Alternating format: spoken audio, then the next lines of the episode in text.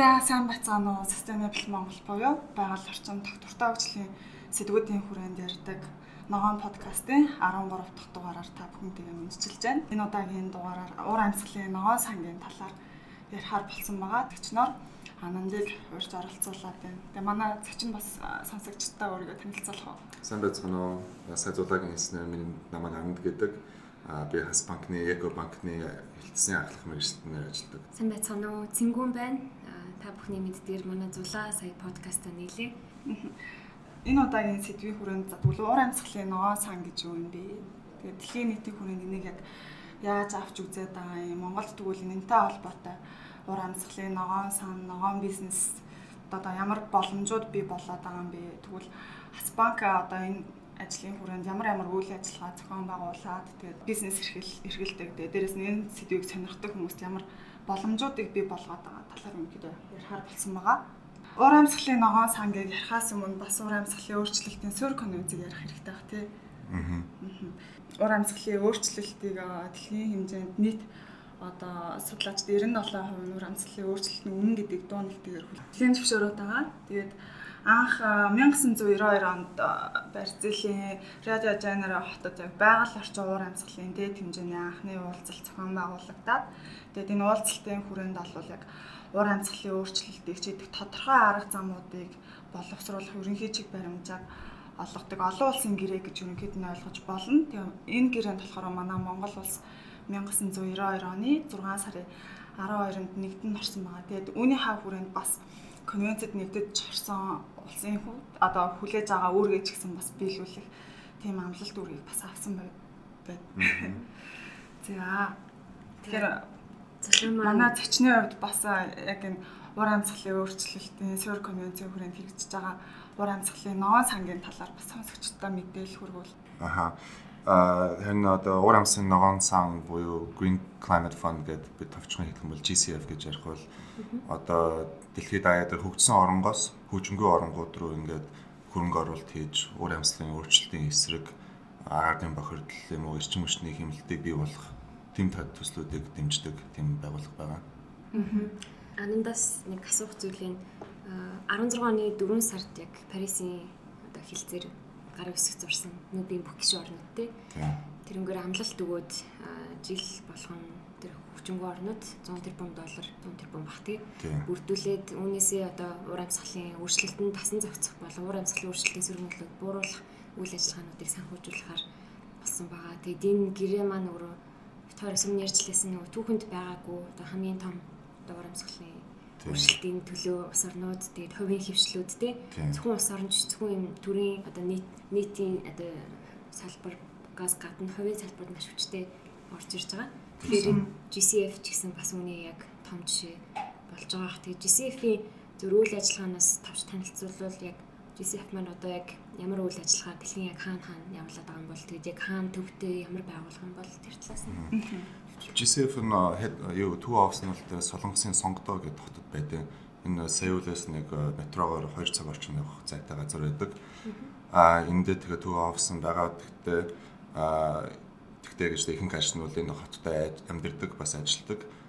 Аа тэгээд түрүүн ярьснаар одоо хөгжингөө оронгууд GCF руу ингээд donor байдлаар мөнгө амлаад дараа нь мөнгөний өгсөн. Тэгээд тэр мөнгөөр нь одоо GCF accredited entity буюу итгэлэмжсэн байгууллагуудаа а энэ мөнгийг ингээд яг төслийн дагуу ирсэн төслийн саналын дагуу одоо энэ ийм юм төсөл дэмждэг гэж мөнгөө олгодог. А гэхдээ зөвхөн жилд 3 3 эсвэл 4 өдөө болдог тууцын хорол дээр энэ төслүүдэд баталж мөнгөө санхүүжилдэг. Төслүүдээ санхүүжилдэг. GCF-ийн тууцын тууц гэж хэллээ. Тэгээд тууцд нь энэ солонгос төвтэй байна. Тэгэхээр солонгос төвтэй ч гэсэн үйл ажиллагаа нь нэлийн глобал байгаа учраас тууцд нь бас ямар хүмүүс байдаг юм бол тийм тууцд нь бол нийт 24 гишүүдтэй. А тэрнээс гадна өшөө бас 12 билүү 24 хараат бус гишүүн бас байдаг. А тэгээ тэр дунд нь жил болгон одоо хөгжсөн оронгоос буюу хөгжингөө оронгоос нэг нэг гишүүн одоо юу гэх юм энэ тэнцүү байдлаар удирддаг гэж. Тийм тийм яг зөв. Тийм. Тэгээд тэр 24 гишүүн бол тэр бол янз бүрийн газраас байдаг. Жишээ нь Америк, Солонгос, Хятад, бас Африкийн орнууд, бас Өмнөд Америкийн орнууд бас ингээд зөндөө олон газар төлөвлөсөн орсон байдаг. Тэгээ миний сонссноор бас нөгөө яг энэ гişүүд нь генерийг тэгшэрх байдлыг хангасан 100 гаруй мэрэгчлэтнүүдтэй байгаад байдаг. Эмэгтэйчүүд нь тэнцүү, эрэгтэйчүүд нь бас тэнцүү тоотой ингээ хуваарлагдаж ажилладаг гэж бас сонсч байсан байна. Тийм GCF бол ер нь бол хүүсийн тэнцүү байдалд бол маш их анхаарал хандуулдаг. Тэгээ гол мэдээж нэг фанд гэж фанд гэдэг чинь мөнгө хуваарлагддаг. За тэгэхээр мөнгө хуваарлахтаа мэдээж маш өндөр шалгуураар ирсэн пропозлуудыг уншиж байгаа танилцаад тэгээ шалгаруулдаг бах. Тэгээ одоогоор яг хитэн орн ер нь ямар орнууд GCF ингэж пропозал одоо санал тавих хэрэгтэй дээ мөнгө хүсэх хэрэгтэй ч юм. Бүх хөгжингөө бүх хөгжиж буй орнууд юм болов уу эсвэл тодорхой нэг Азийн орнууд юм уу эсвэл Африкийн ч байсан болох юм уу? А ер нь бол ингэдэй Хаспанк жишээ нь бол 2016 оны 10 сард бол магадлан итгэмжүүлсэн байгууллага болсон. А энэ энэ шатанд хүрэх хүртлээр бараг 2 жил ажилласан.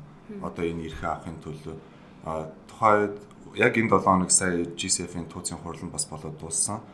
А тэгэхээр бас нэлээд хэдэн шинэ газрууд итгэмжлээ авсан байх. А гэхдээ энэс өмнөний байдлаар 46 орон 46 байгууллага одоо ийм эрэхтэй байсан. Тэгээд тэр нь бол зарим газар нь бол засгийн газар засгийн газрын байгууллага ч юм уу эсвэл ийм хөгжлийн банк ч юм уу тийм газар байдаг. Харин Хас банк нь болохоор дэлхийд байгаа хамгийн анхны арилжааны банк хөгжиж хөгжингүй оронгоос хамгийн анхны арилжааны банк ийм эрэхтэй болсон тийм түүхтэй байгаа. Аа тэгээд одоо энэ 40 46 байгууллагууд нь болох дээрээ тууцын хурлын өмнө одоо ингэ төслийн саналууд funding proposal гэдэг бичиг баримтаа бүх юма бэлдээд ер нь бол бидний бичдэг ийм санал нь бол нэлээд 100 хуудас орчим байдаг. Энэ сан энэ юм бүгдийг бэлдээд ингээд нааш цаашаа солилцоод одоо GCF-ын та нар энийг тэг тэрийг тэг ингээд ингэсээр байж иж яг тууц дээр нь очиод одоо энэ төслөө хамгаалах ёстой. Аа тэгээд хамгаалж ёстой яг 24 тууцын гишүүн бүгдээрээ зөвшөөрж иж яг төсөл нь батлагддаг. Тэр нэлээр урт хугацаа нэрийн шалгуураар шалгаж иж бас яг юм байна. Тэгэхээр 46 орныг яг аль аль орнууд байгаа бол тэр мэдчихэж байгаа. Аа айгүй олон янз бүрийн газар байдаг. Монгол байна. Одоо жижиг орнуудаас гэх юм бол Монгол байна, Самоа гэдэг арал байна. Аа Африкийн зөндөө газрууд байгаа а бас Солонгос, Хятад, Америк, Чили, Аргентин гэсэн дэлхийд даяар хаасаагүй байдаг газруудаас ер нь бол гişүүдтэй.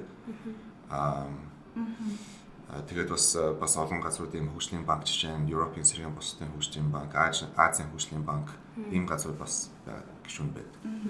Тэгэхээр бас манай сонсогчид одоо бодож иж магадгүй төсөл гэд хэлээд байгаа. Тэгвэл ямар төслүүд бас энэ уур амьсгалын ногоон санд хамрагдах боломжтой байгаа юм бэ гэдэг бас бодож иж магадгүй. Энэ нь болохоор яг ур амьсгалын өөрчлөлтийг сааруулах, тэгээд тасан цогцоход чиглэсэн арга хэмжээ бүхий тийм төслүүд ингээд хамрагдаж байгаа гэж ойлгож байна тий. Зөв. А спанк нь бол одоохондоо бол яг mitigation буюу сааруулах талаас нь ажиллаж байгаа. Adaptation төсөл нь болох дээр одоохондоо Монголд явагдуулах жоохон төвөгтэй байгаа.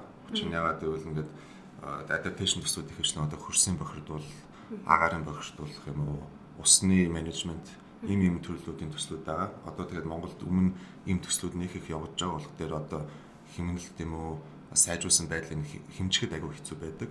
Тийм учраас бид нэр эхнээс нь одоо mitigation буюу сааруулах талаас нь ажиллах дээр хас банк нь ийм ийм төслүүдийг 2009 оноос хойш хийж байгаа болохоор арай туршлагатай. Юм яаж их гайгүй мэддэг болохоор тэрнээс эхэлж хийж байгаа mitigation төслүүд ингээд товчхон ярихад юу юу байдаг вэ? Монголд хамгийн боломжтой нь яг эрчим хүчний хэмнэлт буюу energy efficiency гэсэн юм төслүүд байдаг. А энэ Монголд бол айгүй амархан яадаг бол Монголд байгаа үйлдвэр юм уу байгууллагын ашиглаж байгаа торг төхөөрөмжүүд нь эсвэл офис байшингууд нь айгүй хуучирсан эрчим хүчний үр дүн бага байдаг. Эсвэл байшингууд нь дулааны алдагдал айгүй өндөр байдаг. Аа тэгээ эднийг сайжруулах төслүүд бол бид нэр хөвсөн тийм тийм ажил хийж байгаа дулааны алдагдал эрчим хүчний хэмнэлт гингүүд ялцчгүй эрчим хүчний нэг аудиттай холбогдож байгаа бах тий. Тэгэхээр би бас бодож ирсэн нэг Америкт жишээ нэг одоо ерөөсөн байшинг үнэлэхтэй л баригтаас нэхлээл нэг сертификат олох сертификатын шалгуур хангасан барилгын чинь LED гэх тийм байсан. Мөр ногоон юу нэг өндөр шалгуураар баригдсан байшингууд байдаг. Тэгэхээр Монголд сая анд хэллээ ингээ хуучирсан байдаг гэд. Тэгэхээр яг тэрийг аудит хийх юу бол Монголд тэгвэл гайгүй хөгжсөн байдаг учраас чиний одоо energy efficiency төслүүд хийхэд бол боломжтой болж байгаа тийм. Тийм. А тэгтээ ганц бидний таарлдаг хамгийн хэцүү асуулт юу вэ гэхээр одоо Америк ч юм уу Хятад ч юм уу хөгжсөн оронгуудад бол тэр бейслайн бол тогтооцсон байдаг. Янз бүрийн төслийн хувьд бид нар болох дээр хөвчлэн төсөл болгон дээр тэр төслийнхаа бейслайныг тогтоож байж ич одоо ийм суур байдал нь ийм байсан. Аа тэгээд одоо бидний хийх чадвар төсөл нь бол ийм их хэмнэлт гаргана. Тэгээд зөрүү нь ийм байна гэж төсөл болгон дээр тогтоохгүй болох дээр тэр нь болох жоохон хэцүү байдаг. Бусад газрууд бол тэр их хөвчлэн одоо за энэ нөөцийг хэрэглүүл ийм ийм байдаг. Ийм байшин бол ийм ийм үзүүлэлтэй байдаг гэдэг нь тогтооцсон байдаг болохоор тэднэрт хэмжилт хийхэд бол маш амархан байдаг. Тэгэхээр уран цахлын ногоон сан үндэсний эрх бүхий итгээд эндээ гэд байгууллага бас байгаа. Тэгвэл үндэсний зохицуулагч тэгвэл хэрэгжүүлэх нэгж гэдгээр нь бас банк бас төлөөлөлгөө ажиллаж байгаа гэж ойлгоод байгаа тийм. За тэгэхээр яг үндэсний эрх бүхий итгээд гэдэг дээр болохоор байгаль орчин аялал жуулчлал ногоон хөгжлийн яамны уран цахлын сан Тийм ажиллаж байгаа. Тэгээ тэр яг ур амьсгалын сангаас одоо цохих ясны дагуу ингээ шаардлагатай бичиг баримтуудыг ингээ үзээд за тэгвэл хэрэгжүүлэгч нэг чинь тэгвэл энэ одоо хас банк ингээ байх боломжтой юм аа гэдэг ингээ тэргүүлэх нэг гарын үсгтэйгээр бас ур амьсгалын ногоон санд бичиг баримт нь очоод тэгээд олон үе шат дамцаар агаад энэ хэрэгжүүлэгч нэг ч гэдэг нэг байсан багт тийм. Тогтвортой хөгжил байгаль орчны тухай Sustainable Mongol podcast-ыг та сонсч байна.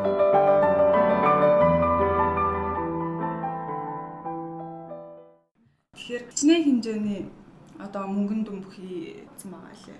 Аа тийм GCF хандах э, дөрвөн шаттай ирэх байдаг. Аа тэр дунд нь манай хоёр дахьт нь орсон байгаа тэр нь small буюу 50 сая доллар хүртэл санхүүжилт авах боломжтой төсөл болгон дээр. Аа тэгээд ингээд төсөл дээр бол хязгаарлалт байхгүй. Тууцын хурдтай бид нар ингээд саналаа өгөөлж иж болно. Тэгээд нэг нэг төсөл дээр 5 сая доллар хүртэл авах боломжтой. Тэгвэл нийт бажт гэж байгаа юм байхгүй харин одоо ингээд тийм одоо ингээд тууцд болгон дээр бид нар санал өгөөл гэж байж болно. Харин одоо бусад энэ магадлал магадлалын итгэмжүүлсэн байгууллагууд нь ихэвчлэн одоо засгийн газрын яамны газрууд ч юм уу эсвэл хөгжлийн банкуд байдаг болохоос хас банк шиг юм арилжааны банк тэрнээс гадна хөгжмөнгийн оронгоос юм арилжааны банк бол GCF-ийн хувьд манайх анхныхан болсон. Одоо ч гэсэн ер нь банк байгууллага гэхэд GCF миний мэдгээр а цөөхөн хідэн банкуд л ийм эрхтэй байдаг.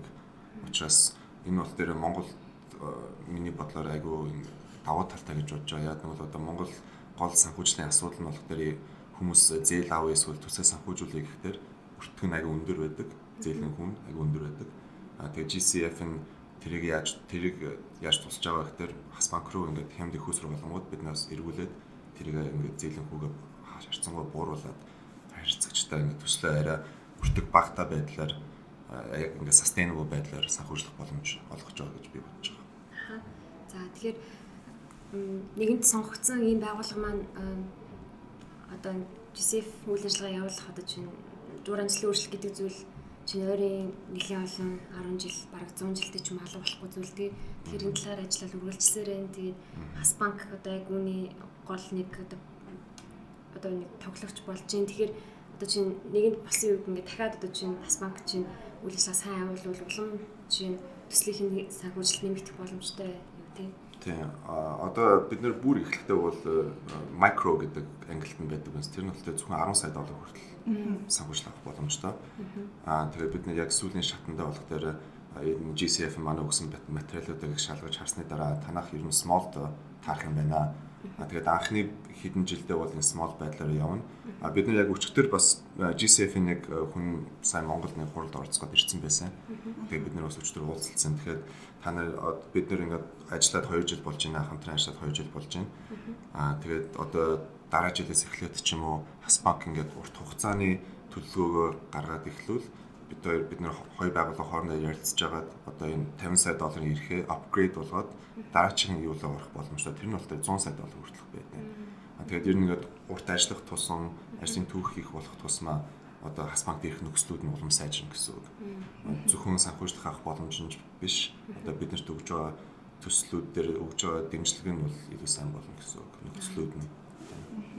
Тэгэхээр Монголд тэгвэл уур амьсгалын сөрөг нөлөөг mitigation буюу одоо багасгах санхүүжилтийн их үүсвэр бол ер нь ингээд бүтчихжээ хасан газ банкар дамжуулаад. Тэгвэл тэр бууруулах түрүүний нэг гол ажлууд нь одоо эрчимчтэй хэмнэлт гэд хэлсэн. Гэтэ яг ямар одоо тийм үнэхээр одоо бас хүмүүс сонсоод Монголд ста мундаг ажил хийж байгаа юм байна гэхээр тийм нүдэнд одоо юу гэх тодорхой гоё тийм урамш inspiring жишээнээс болцоод тийм. А яг одоогийн байдлаар бол Хас банк нь GCF-ээр хоёр төсөл батлуулсан байгаа. Одоо 3 дахь 4 дахь дээр ажиллаж байгаа. А манай хамгийн анхны батлуулсан төсөл нь юу вэ гэхээр одоо Монголын зах зээлийн бизнесийн зах зээлийн 90 хэдэн хувь нь бол дандаа жижиг дунд бизнесүүд байдаг. А тэр дундаас эмгтэй их эмгтэй бизнес гэж боддог би газар зөндөө байдаг. А гэхдээ ийм байгууллагууд нь болох дээр банкнаас санхүүжилт авах дээр жирийн бусад бизнесээс илүү төвөгтэй байдаг гэж тийм судалгааны дүн үр дүн гарч ирсэн. Аа тэгээд манай хамгийн анхны төс нь болох дээр тэгээд одоо women led business буюу эмэгтэй бизнесийг дэмжих тийм их усэр авчирсан. Тэр нь яг хөө ихтер одоо бидний 20 сая доллар авсан. Энэ 20 сая долларын доор аж 50% нь болох дээр ийм эмэгтэй бизнес гэсэн бизнесүүд яг санхүүжилсан байх хэрэгтэй байдаг. Энэ нь болох дээр бид нэр 9 сараас хойш одоо зээлээ олгоод яваад эхэлсэн байгаа. А түүнээс хойш бол бид нэг 20 гаруй төслүүд санхүүжлээд тэр нэг 3 сая доллар орчим болсон байгаа одоо одоогийн байдлаар. Аа эмэгтэйчүүдийн санаачилсан тэгээд яг гур амжилт үйлчлэлтийг бууруулж байгаа хамгийн таны хувьд онцлуулж та жишээ нь юу вэ? А бид нар бол сонирхолтой жишээ одоо төсөл нэг ямар бизнес хийгээд байна? Нэг нэг онцлог жилиг бол одоо манай нэг харилцагч эмийн үйлдвэртэй харилцагч байсан байхгүй юу? Тэр нэг тэгээ захирал нь буюу ихэнх ажилтнууд ажилтнууд нь бол эмэгтэй хүмүүс байсан. А тэгээд энд үүдэр нь болох дээр тоног төхөөрөмж жоо хуучсан. Тэгэхээр хүссэн хэмжээний эмээ үүдэрч чадахгүй. Тэгээ бас олон улсын стандартын эмний шаардлагыг бас хангаж чадахгүй байсан. А тэгмээд бид нэр одоо зөвлөхүүд авчаад үүдрийн судлаад тэд нар бас өөрснөө бид нар ийм ийм тоног төхөөрөмж амар байна. Ийм ийм үйлдвэрлэх чадвартай болмоор байна гингүүд манай зөвлөхүүд бүх материалыг авч цуглуулад судалгаа хийгээд тэгэнгүүт за та нар ийм ийм ийм тоног төхөөрөмжийг ийм ийм газараас аваад үйлдвэрээ ингэж байршлаад ингэж процессуудаа явуулвал танах одоо ийм их эрчим хүч хэмнэн тэр нь болохоор ийм их зардал хэмнэх болно. Аа тэгээд энэ тоо төхөөрөмжөө та нар бас олон улсын стандартын дагуу ийм үйлдвэрлэх боломжтой болно гэд тоо төхөөрөмж тэдний тоо төхөөрөмжөө оруулж ирээд одоо бол яг тийм юмнуудыг үйлдвэрлээд эхэлсэн байгаа. Аа тэгээд өмнө үйлдвэрлэдэг гэсэн чадвараас хамаагүй илүү үйлдвэрлэж чаддаг байсан. Тэгсэн бүртлээ өмнөхөөсөө илүү миний сандгаар 46 ч билүү тэр орчим хувийн эрчим хүчний хэмнэлттэй болсон. Манай Монгол шиг эрчим хүчээ нөгөө carbon content амар өндөртэй их усэр буюу одоо нүүрс тий? Нүүрсний сангаж байгаа оронд бол энэ эрчим хүчний хэмнэлт бол аягүй чухал та тий? Монгол бол ойрын хэдэн жилдээ нүүрснээс одоо хамааралгүй болно гэдэг бол өөр амар хэцүү зүйл болохоор. Нэг нь хамааралтай юм чинь ядаж хэрэглээгээ багасгаад байвал бас болно. Тэгэхээр би санаж л да өнгөрсөн намар баха тий бас банкнаас яг ногоон санхүүжилтийн формыг зохион байгуулж ирсэн. Бизнес сард болж ирсэн. Тий. Тэгэхэд яг GCF-ийн захирал нь бас ирсэн. Тэгээд GCF-ийн захирал үг хэлээд бас олон улсад хэрэгжиж байгаа GCF-ийг санхүүжүүлсэн төслүүдийг дурдахын дараа бас энэ одоо юу panel discussion болсон. Тэгэхэд дандаа голдуу эмгхтэй захиралтай одоо бизнесүүд байсан би санаж байна. Эмгхтэй захиралтай биш юм аа хэд эмгхтэй одоо мэрэгчлээ удирдах чадтай. Говь билүү гоёогийн гоёо байсан. Гоёо байсан. Тэгээ бас нэг барилгын материал Pyramid Industry гэдэг дулаалгын үйлдвэр материал дулаалгын материал үйлдвэрлэх газрын хүн байсан. Бас нэг нарны эрчим хүчлээ. Тийм одоо нагтуул захын тэр хавцаа нэг дэлгүүртэй эмхтэй байсан. Тэр нь бол тэр гадаадаас одоо нарны их усрээ панел тийм панел ч юм уу даалдуулах тийм хэрэгслийн борлуулдаг тийм хүн байсан. Тийм. Гоёгийн хувьд яг гоёгийн жишээг анд хэрэг санаж ивэл хуваалцчих болох уу?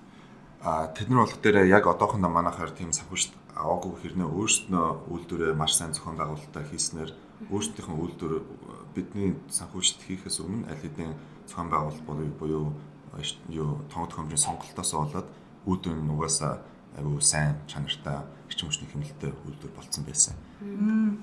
Тэгээд бусдууд нь бол яг манай харилцагчд байсан. Тэгээд бид нар бас дан харилцагчтай биш, харилцаг биш хүмүүсээ авчиад бас яаж тийм туршилтаас хуваалцаад яаж ингэсэн мэгсэн гэж ярихад сонсох сонирхолтой болов гэж бодсон. Тийм. Пирамидын хувьд болохоор манахаас санхүүжилт авсан. Санхүүжилт аваад үйлдвэрийн тоног төхөөрөмж үйлдвэр тийм шин тоног төхөөрөмж авсан бас одоо түүхий хийдэд татсан.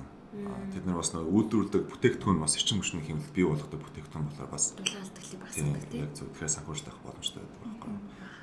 Тэгэхээр би бас нэг юм анзаарч ирсэн. Яг тэр panel discussion сууж хаад нөгөө тэр нөгөө хамгийн одоо арай нэг small scale арай жижиг бизнестэй ихч маань өөрөө хэлжсэн. Ингээд банкнуудаас ер нь ханаас зээл авт юм билээ гэж судлаад. Хас банкнд хандж үзэхэд бас банкны нөгөө нэг харилцагчтайгаа харьцаж байгаа тэр харьцаа. Тэгээд зөв нэг удаа харьцсан чинь дараа нь өөртөө бас банкныхан илүү санаачлаг гаргаад манад одоо илүү юм хөнгөлөлттэй боломж гараад ирлээ гэд харилцагчтай илүү мэдээлэл өгөөд яагаад гэвэл нөгөө банк маань GCP-с санхүүжилт аваад тэгээд ялангуяа энэ эрчимчнийг бууруулах болон бусад одоо уур амьсгалны сөрөглөө бууруулах төслүүдийг өөртөө бас илүү хайх хэрэгтэй болдгоос болоод ч юм уу ингээд хүмүүстэй илүү ингэж харилцагч руу өөртөө илүү төрүүлж хандж байгаа юм байна да гэж бас бодсон байхгүй. Тэгэхгүй ингээ зүгээр өөрөө Хасбанк одоо биднэрт мөнгө байна. Өөртөө хүрээд ир гэх биш те. Өөртөө илүү ингээ Хасбанк хайж яваад тэгээ бас нөгөө гоёг бас өөрөө аль хэдийн тим хийгээд хэлсэн байдаг гэдгийг судлаад.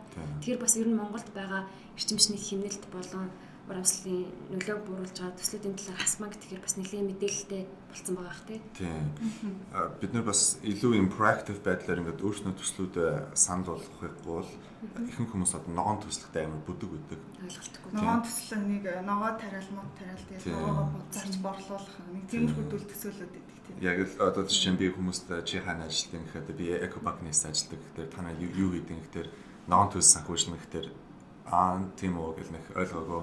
Тийм тийм. Тэгэхээр харин бид нар манай хас банкны салбарын ажил ажилсагч гэсэн анхандаа ийм их ус орж иж байгаа. Бид нар ер нь 2012 оноос хойш гадаад их усаар татж байгаа. Ер нь бол ойлголт бас муу байдаг байсан. Тэгэхээр бид бас дотоодын ажилсагтай бас ингээд ойлголт илүү сайн өгөнгөд бас тэд нар бас харилцагчтай бодоод аа нэрэ манай харилцагч юм юм хийдэг. Тэгэхээр би санал болгож болох юм байна гэдэг. Тэгээд бас тэгж болсон. Яг өмнө нь бас цэнгүүн бит хоёр дурчжсэн. Тэгээд байгаль орчин гэж ерөнхий нэг ярихаар нэг хүмүүс мод зүйлийг тариал тэгэл хогоо түгээл нэг тиймэрхүү дүүл ажиллагаа зохион байгуулдаг гэдэг. Яг тэрэн дээр нэмээд тэгвэл санхүүжилтийн их усрууд ороод ирлээ. Ногоон санхүүжилт гэхээр бас хүмүүс олон хүмүүс бас сонирхоод эхэлж байгаа хэрэг.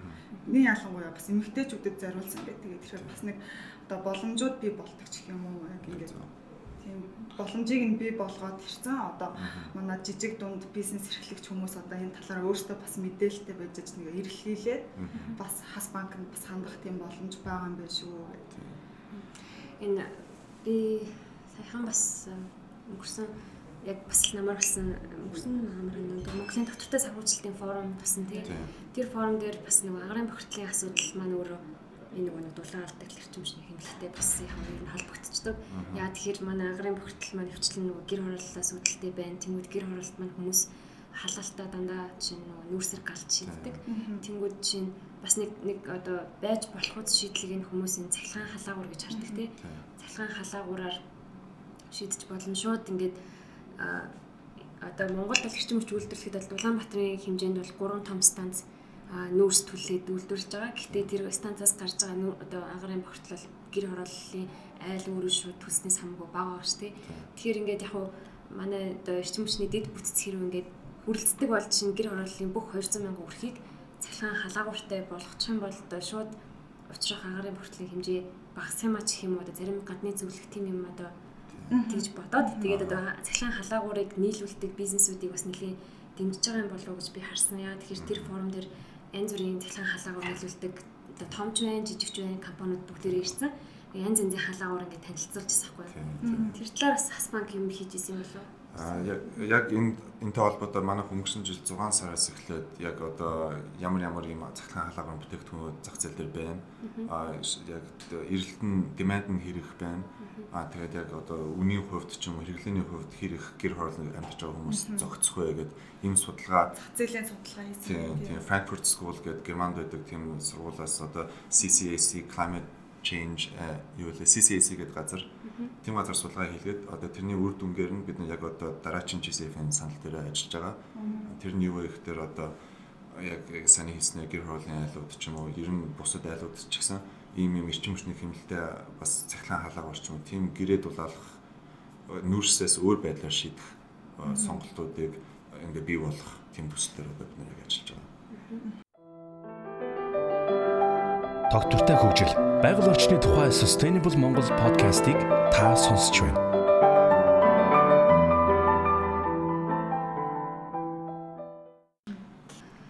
Манай Монголын үед бидний чинь амьдралд шууд нөлөөлж байгаа байгаль орчны асуудал нь агарын бохирдол болчдөг. Тэгээд агарын бохирдол маань өөрөө уур амьсгалын үйлчлэл буюу одоо энэ хөрөнгө санхүү нь олон улсын түвшинд одоо дотоодын түвшинд хүртэл шийдэгдээд ирж байгаа асуудалтай өөрөө бас ингээ холбогдож байгаа би хувьдаа бас баярлаад байгаа хгүй. Байгаль орчны асуудлууд угаасаа хоорондоо амар уялдсан байдаг.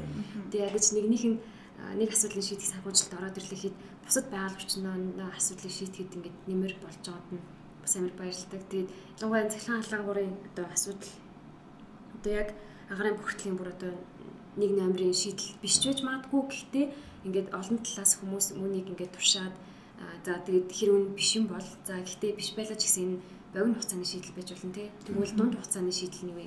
Урт хугацааны шийдэл нь вэ ингээд? Ямар ч гэсэн санхүү байгаа цагт юу н ажил ингээд явах одоо хам хурд нь хамаагүй хэсэж гин гэж би харж байна л да. Үн чинь тэгэл байгалийн асуудал ихээр мөнгө авахгүй тий. Мөнгө авахгүй юм чинь шийд хизээ шийдэх нь мэдхгүй тэнгууд одоо мөнгө байна гэвэл бас хүмүүс хөдөлж эхлэн бодож эхлэн тий.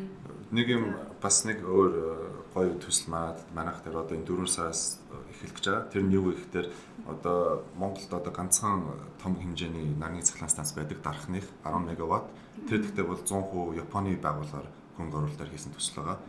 Одоо хас банк нь болох дээр GCF-тэй хамтраад Монголын 2 дахь нарны цахилгаан цахилгаан станцыг барих гэж байгаа. Бас л 10 мегаватт. А тэр нь тэгээ яг 4 сараас эхлээд барилга барих гэж бид нар мөнгөний батлуулсан. Мөнгө нь одоо дараа сараа орж ирээд тэгээд барилгын шатандаа явж ирнэ. Тэнгүүд 4 сараас эхлээд 10 сар юм уу 11 сар гээд бариад дууссан байх ёстой. Тэнгүүд 2019 оны 1 сараас эхлээд эрчим хүчнээ ингээд үйлдвэрлээд хүмүүс нийлүүлж эхлэн гэсэн үг. Сэрэл эрчим хүч. Тийм, сэрэл эрчим хүч. Тийм. Аль амиг аль сумд Энэ одоохондоо бол хийх боломжгүй байгаа. Гэхдээ угаасаа 4 сард ингээд бариад эхлэнгүүд мэдээлэл гараад ирэх байх тийм. Тэгэхээр агарын эсрэг одоо цахилгаан халаа урд дээр ингээд ийм ажлууд хийгдэж байгаа юм байна. Сэргээд хэрчим хүчний салбар дээр бас нэг гоё төсөл яригадаад одоо 4 сард угаасаа энэ талаарх мэдээлэл нээлттэй болно. Тэгэхээр автомашинаас ялгарч байгаа бас агарын бохирдол гэж бас хэлүүл зүгээр байх л та одоо эко машины зээлчих юм уу яг энэ чиглэлээр автомашинд одоо зориулсан ямар үйлчлэгээ явуулаад байгаа вэ? Бид нэр 2015 оноос эхлээд эко машины зээл гэдэг бүтээгдэхүүн бий болгосон. Тэр нь одоо ч гэсэн байж л байгаа. А тухайн үед бол бусад банкудаас машины зээл авах хэрэгтэй ер нь бол жилээс жилийн 24%-аас баггүй байдаг байсан. А энэ нь болох дээр 19.2 хүнтэй байдаг харьцангуй гайгүй. А одоо яг одоо бидний альж байгаа төсөл бас энэнийг улам бууруулах дээр ажиллаж байгаа. Тэгээд 2015 оноос хойш а нэг 800 орчим ийм зээл машин зээл гаргасан байгаа. А тэр нь тэгээд бас нэлээд гай овоо хэмжээний хүлэмжийг бууруулсан байгаа. Энэ яг гэхдээ мэдээж шатхууны хэмнэлттэй холбоотой. Тийм тэгээд нэг тодруулах зүйл нь GCF-с дамжуулж Хас банкнд өгсөн энэ одоо хөрөнгөнөөс зөвхөн бизнесийн байгууллагууд зээл авах хэрэгтэй юу эсвэл зүгээр бизнесийн биш ашигын бус байгууллагууд бас хандж болт юм болов яа гэм бол?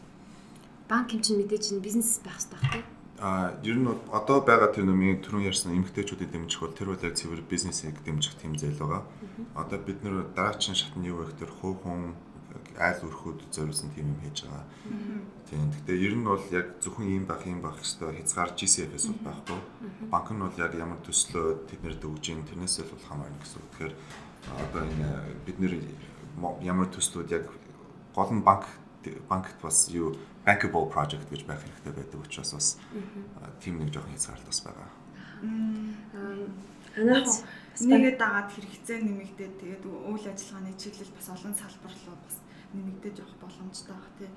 Одоо ихвчлэн хүмүүс бас нөгөө ногоон бизнес гээ юу хэлээд байгаа вэ гэж бодоод байдаг. Ерөнхийдөө бол шууд тэгэхээр нөгөө байгаль орчин нээлттэй төслийг бол ногоон одоо зээл ногоон санхүүжилтгээ ойлгочод бол ерөнхийд нь болохоор байгаа. За тэгэхээр тэр энэ хөрөнгө оруулалтын банкнууд гэж байдаг шүү дээ. Инвестинг инвестмент банкуд. Тэгээд би бас яг нэг хоёр манай хоёр ч найз хөрөнгө оруулалтын банкнд ажилладаг. Тэдрээс асуужсэн. Тэгэхээр ингээд яг та нар яг юуг нь хардаг тэг чинь манай хөрөнгө оруулалтын ажил ярьжсэн гэдэг. Айгуу сонирхолтой төслүүд ингээд төслүүд ч юм уу одоо компаниуд орж ирдэг. За ингээд манай энэ төслийг яач ээ гэж тэгэл одоо бүх одоо мэдээлэл өгдөг. Тэнгүүд чинь яг хөрөнгө оруулалтын хамгийн эцсийн шийдвэр гаргах гэдэг яг түрүүн сая андын дуржсэн backup буюу энэ маань одоо амжилттай ажиллаад зардлаа нөхөөд тэгээ дээрээс нь ашиг болоод тэлэх одоо тэгээ цаашдаа доктортой байх төсөл байна уу гэдгийг хамгийн түрүүнд хардаг. А гэтэл заримдаа ингээд маш гоё одоо байгаль орчиндөө хэрэгтэй одоо хүмүүсийн хандлагыг өөрчилсөн тийм төсөл байдаг ч гэсэн хандлтаа нэг санхүүгийн хувьд ингээд сайн үзүүлдэхгүй ч юм уу тийм төсөл байхаар ингээд жоохон хэцүү байдаг. Тэгээд аюу олон тийм төслүүд ингээд үгүй гэх шаардлага гарч исэн гэж би сонсч ирсэн. Тэгээд энэ талаараас нөгөө олон улсын төвшин ч гэсэн бүр юм судалгааны байгууллагууд ялангуяа бүр Колумбиагийн их сургууль гэж байдаг. Колумбиагийн их сургуулийн Sustainable Investment Center гэдэг одоо тогтвортой хөрөнгө оруулалтын төв гэж гараад тэн дээр одоо яг ямар зүйл чинь бэлэн байгаа мөнгийг яг юунд хөрөнгө оруулвал энэ цаашаа ингээд тогтвортой явах юм бэ гэд явж байгаа юм л та. Тэгэхээр бас бид нэр түрүү ярьлаа нөгөө ногоон бизнес байна уу, ногоон санаачлаг байлаа гэхий тэр маань зөвхөн бас ингээд байгаль орчноо л аврыг гэд яваад идэг тэгсэн мөртлөө санхүүгийн хувьд амар тогтворгүй үйл ажиллагаатай чинь байж болохгүй болчихоо тий аль альнийг хангасан байж ийж. Яг зөв тий. А бас Монголд уулын зөндөө санхүүжилт зөндөө төслүүдийг бид нар бас энэ яг санхүүг талаас шаардлага авахгүй байна гэдэг хамгийн гол юу шалтгаан нь юу вэ гэхээр Монголын Монголд эрчим хүчний зардал айгүй хямдхан байдаг. 1 кВт цаг нь 110 хэдэн төгрөг байдаг. Тэгэнгүүт уул нь одоо жишээ нэг төсөл за энэ төсөл дээр 30% эрчим хүчний хэмнэлтэд зар хэмж байна. Одоо яг бодит эрчим хүчний гүн байсан бол тэр байгуул нь нэлийн их мөнгө хэмнэх боломжтой байдаг. Дааж эрчим хүчний үн айгүй хэмтэн болох дээр яг санхүү санхүүгийн хэмнэлт нь бол тийм өндөр гарч чаддгүй их газрууд дээр бол. Манай ууланд яг гол шалгуур нь болох дээр эцсийн хэрэглэгч байвал 15% хэмнэлт байх хэвээр. Бусдууд нь 20% гэж байдаг байхгүй юу? А гэтээ яг зөвхөн ингээд 20% хэмсэн төслийг бол санхүүжлж байгаа хэцүү байдаг. Яг нь бол яг хэмсэн зардал нь тийм өндөр биш байдаг. Тэгмээд манай их хвшин санхүүжлага төслүүд бол эрчим хүчээ 30 40 50 тийм тэнэс илүү хуваар хэмсэн төслүүд бол яг санхүүгийн шаардлага хангаж байгаа. Нэг шалгуур үзүүлэлт нь болчихж байгаа юм гэж ойлгож байна тийм. Тэгэд одоо бас хас банкнд тэгвэл хандж байгаа хүмүүсээс мэдээж бусад банкудаа өрсөлдөхөд айгүй баг хүү санал болгож чинь тий. Гэтэ өөр одоо хүмүүс ер нь шаардлага тавьж байгаа юм уу? Инглээд за энэ бол хүүн бол болж байна. Гэтэ даа ингэчүүл гоё юм ч юм уу. Заримдаа одоо бизнесийн байгууллагууд ч юм уу тэд нар маань өөрсдөө тийм санал тавьдаг а зөндөө тавьдаг одоо гэхдээ яг гол нь бол урт хугацаатай баг үедээ зээл амаар байна гэдэг тэгдэг. Гэхдээ тэрнээс гадна байгууллагууд санаа болгохгүй ч гэсэн бид нар бол GCF зөвхөн ингээд зээл олох их усруу болгодог бас буцаалтгүй тусламж гэж мөнгө банкд өгдөг.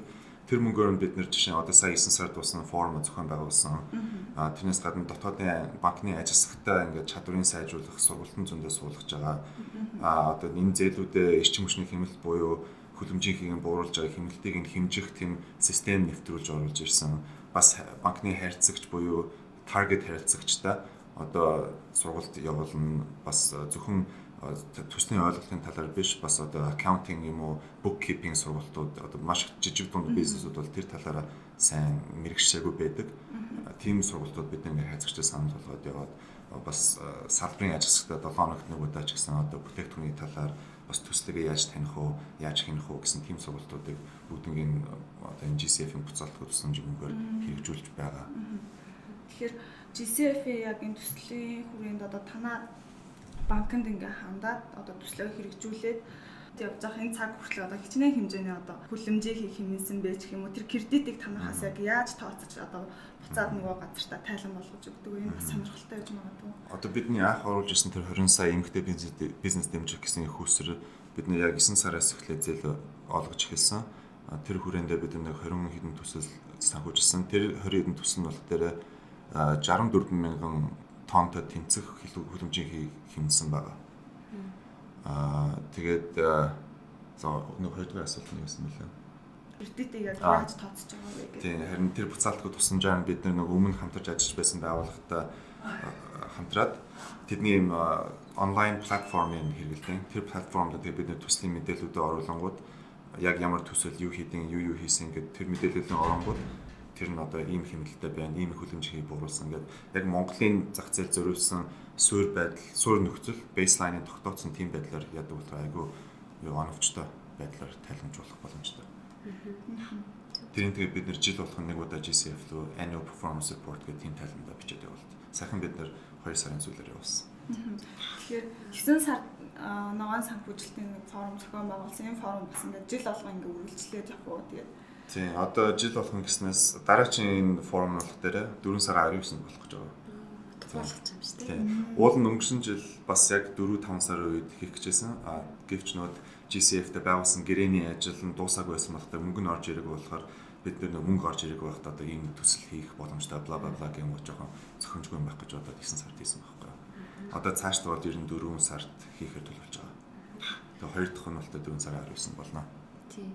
Миний бас нөгөө одоо баярлаад байгаа хоёр зүйл гэх юм бол нэгдүгээрт Green Climate Fund-аас одоогийн байдлаар 46 accredited entity байхад тэрний нэг нь Монгол болцсон явж байгаа нь бас бид нэр бас айгу олон орны өмнө бас эсвэл олон оронтой хөл зэрэгцээд бас зарим орны бүр өмнө ингээ уур амьсгал өөрчлөлтийн эсрэг бид нар бас явж чадж байгаа нь бас айгу бахархууштай зүйл. Манай Монгол бас маань өөрөө уур амьсгалын өөрчлөлтөнд айгу эмзэг орнуудын нэг байгаа.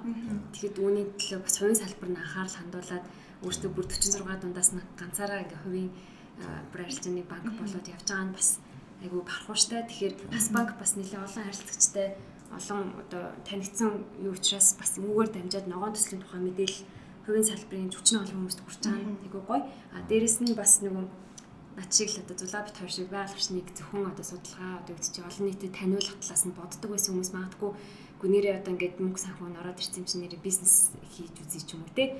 Одоо байгаль орчны тий эрч хүчний хэмнэлтийн байна уу? Эсвэл зэрэг эрч хүчний талаар өөрөө бас төсөс санаачлыг гэсэн юм одоо тэр бодлыг нь улам идэвхжүүлж байгаа юм болов тэгэхээр бас тэгээ энэ талаар бас мэдлэг мэдээлгүй хүмүүс сургалт ороод бас ойлголтыг нөгөө тэгээ заа одоо зааварлаа чиглүүлээ явж байгаа гэдэг чинь бас банкны салбарын зүгээс бас нөгөө нэг оруулж байгаа бас нэг хувь нэмэр болчиход байна. Тэгээ нөгөө санхүүжилтийн хүрээнд нэмж хэлбэл ер нь бол одоо GCF лөө хандаж ирэхээ авлаа, төслөө батлууллаа, яг мөнгөө авлаа, төслөө хэрэгжүүлж эхлэе гэдэг энэ явц хугацаа бол маш урт хугацаа шаарддаг. А Хас банк нь харин одоо 2016 оны 10 сард ирэхээ авсан. Анхны төслөө 16 оны 12 сард батлуулсан. А тэгээд accreditation master agreement буюу ерөнхий гэрээ гэдэг нь болох дээр тэрийг зурж иж ер нь ингээд их усрээ авах эрэхтэй болдог байхгүй юу. Тэрийг зурхад бол одоо эрхээ 3 жилийн авсан бүртлээ тэр гэрээгээ зураагүй байгууллага зөндөө байгаа. А тэгэхэд Хас банк нь 10 сард эрхээ аваад 12 сард гэрээгээ зураад адилхан сард анхны төслөө батлуулаад а тэгээд 6 сарын дараа анхны их усрээ татаж аваад 9 сарын дараа төслөө хэрэгжүүлж гисэн гэхээр энэ түүх бол одоохон GCF хувьд манай анхныхын бий болгосон байна.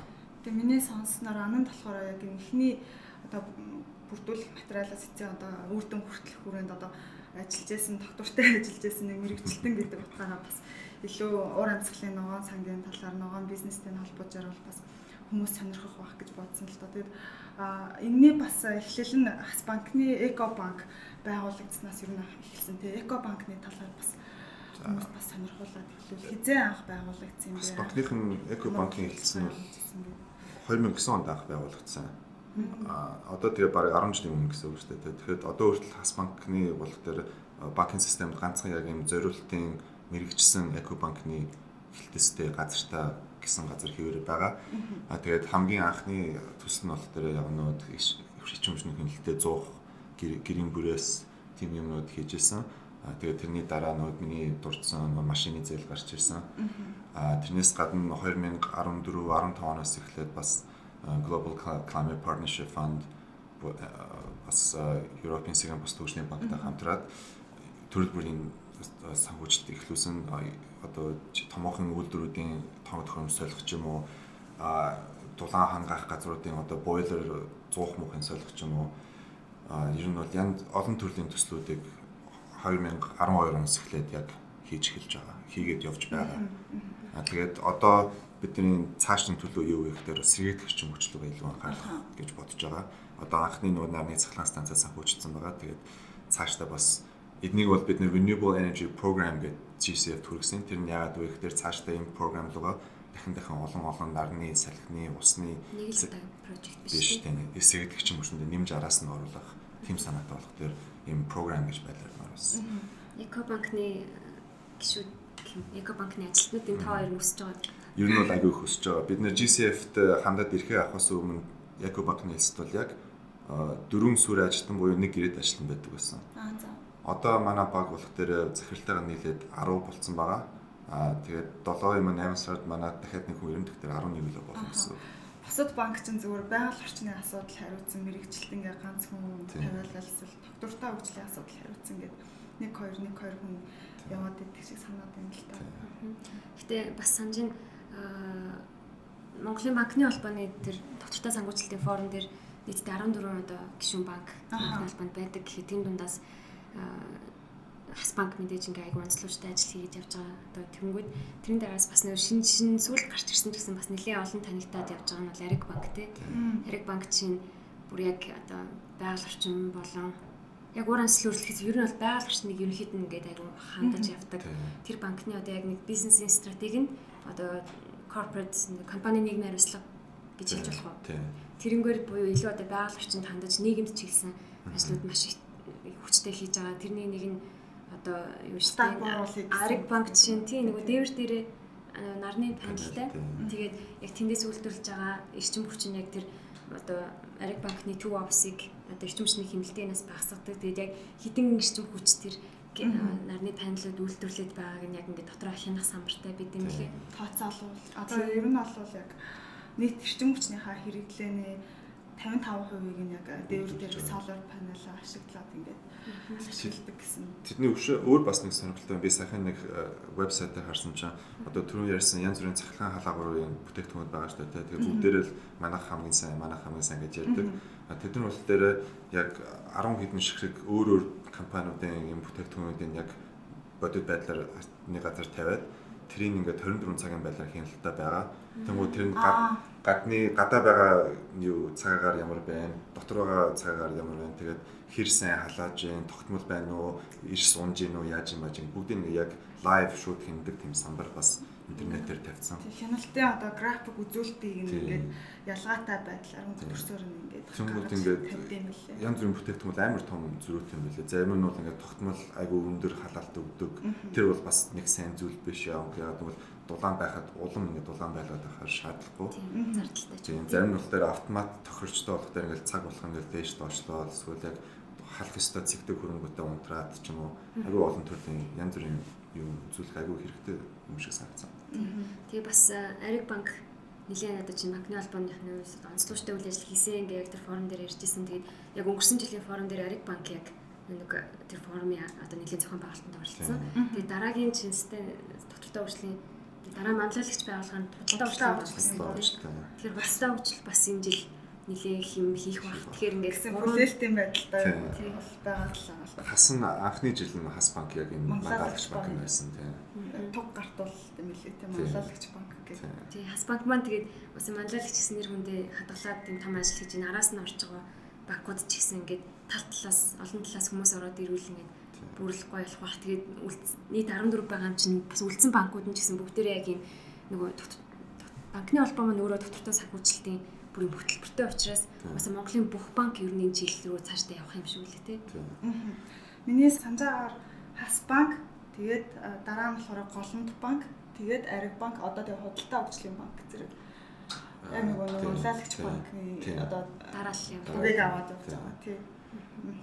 Нэр одоо яриа дуусгасан зөв GCF одоо яаж их усэр авах вэ гэдэг нь ер нь хоёр төрлөх байдаг байхгүй. Нэг нь болох дээр яг төсөл project байдлаар нөгөөх нь болохоор program гэж байдлаар одоо яг төсөл гэх юм бол зөвхөн нэг томоохон төсөл байдаг. Тэр нь бол тэр GCF болох дээр нэлээх гар ажиллага ордог болох дээр энэ бол 5 сая 10 сая доллараас дээш хэмжээтэй нэг шиг төсөл байвал тусдаа ингээд саналаа бэлдэж явуулна.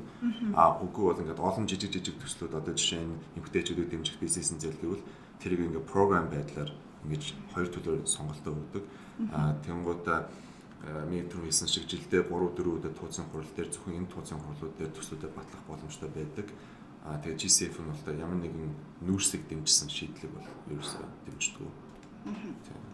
Иймэрхүү байдал. Нөгөө талаар бас тухайн байгууллагын туршлага чадхаас нь хамаарат бас олгох санхүүжилтийн хэмжээ нь 10 сая хүртэлх одоо 10-аас 50 сая тэгээ 50-аас 250 сая бүр дээшээгээ 250 саяас одоо дээш хэмжээний санхүүжилт гэж бас яваад идэг те. Тэгэхээр нэг сонирхолтой асуулт гэвэл санаанд орчлоо. Одоо анандын хувьд одоо эко банкны хэлтсэд ингээ ажиллаад ингээ явж байлаа. Тэгэхээр нөгөө нэг чиний хувьд одоо яг эдийн засаг суурьтай юу эсвэл эдийн засаг суурин дээр нэмэгдээ ялцчих ингээ байгаль орчны бас асуудлыг ингээд судлах одоо мэдих тийм хэрэгцээ шаардлага одоо ажлын шаардлага өрөнд гарч ирээд байгаа шүү дээ. Тийм тэр бас зүгээр сонирхол татаа асууж байна л та. Аа харин би ер нь Экобанк нийлцэд орохоос өмнө би банкт 2 жил ажилласан байсан. Тухайд би байгалийн банкны газар ажилладаг байсан. Тэгэхээр ер нь бол хийж байгаа ажил бол зүгээр л нэг хийх ёстой ажил шиг санагддаг байсан. Одоо харин ингээд Экобанктай ороод янз бүрийн сонирхолтой төслүүдээр ажиллаад суух дээр зөвхөн ингээд банк санхүүгийн ажил биш. Бас одоо Улаанбаатар буюу Монголд хэрэгтэй байгаль орчинд хэрэгтэй агарын бохиртыг бууруулах ч юм уу тим юм дээр тим юмны төлөө ажиллаж байгаа гэж бодох дээр бас ингээд илүү урамтай ингээд сэтгэлд уягч гэх юм уу? Тийм тэгээ өөрөө ингээд бас илүү мэдээлэл олоо тэнгуут аа бас яг ийм юм хийвэл ийм нөлөөтэй байх юм байна гэд тийм ойлголттой байхтай бол надад ингээд ажиллах хэрэгтэй бас аюу урамтай илүү ингээд хиймээр санагддаг гэх юм уу да тийм тийм дуртай тийм яг тийм. Тэгээ адилхан бас нэг үе залуучдын үед бас андыг бас дараа үеийнхнийхээ одоо ногоон банкны ажилтнуудыг бэлтгэж асуу нэмэр оруулаасай гэж Залаа бит хоёр бодоод тэгээд энэ подкастыг бичиж байгаа ч гэсэн одоо энэ ажлуудын нэг гэж бодож байгаа. Тэгээд манай подкастэд тачнаар оролцож энэ талаар мэдээлэл хуваалцсанд маш их баярлалаа. Тэгээд хоёр подкастынхаа тайлбарыг бичээд тийм үү дэлгэрүүлж харах сурулж байвал бас хас банкны яг эко банкны линкийг ч юм авсаргаад тийм үү андын холбогд мэдээлэл сонирхсан хүмүүст бас хуваалцаж намайг урьсан маш их баярлалаа гэсэн надад бас ингэ ярилцаа сухтайг сонирхолтой байлаа. Аа харин тэн дэлгэнгүй мэдээлэл бол тэр подкаст нь подкастын description-аас авч болох юм байна. За баярлалаа. За баярлалаа. Баяртай. За Thank you.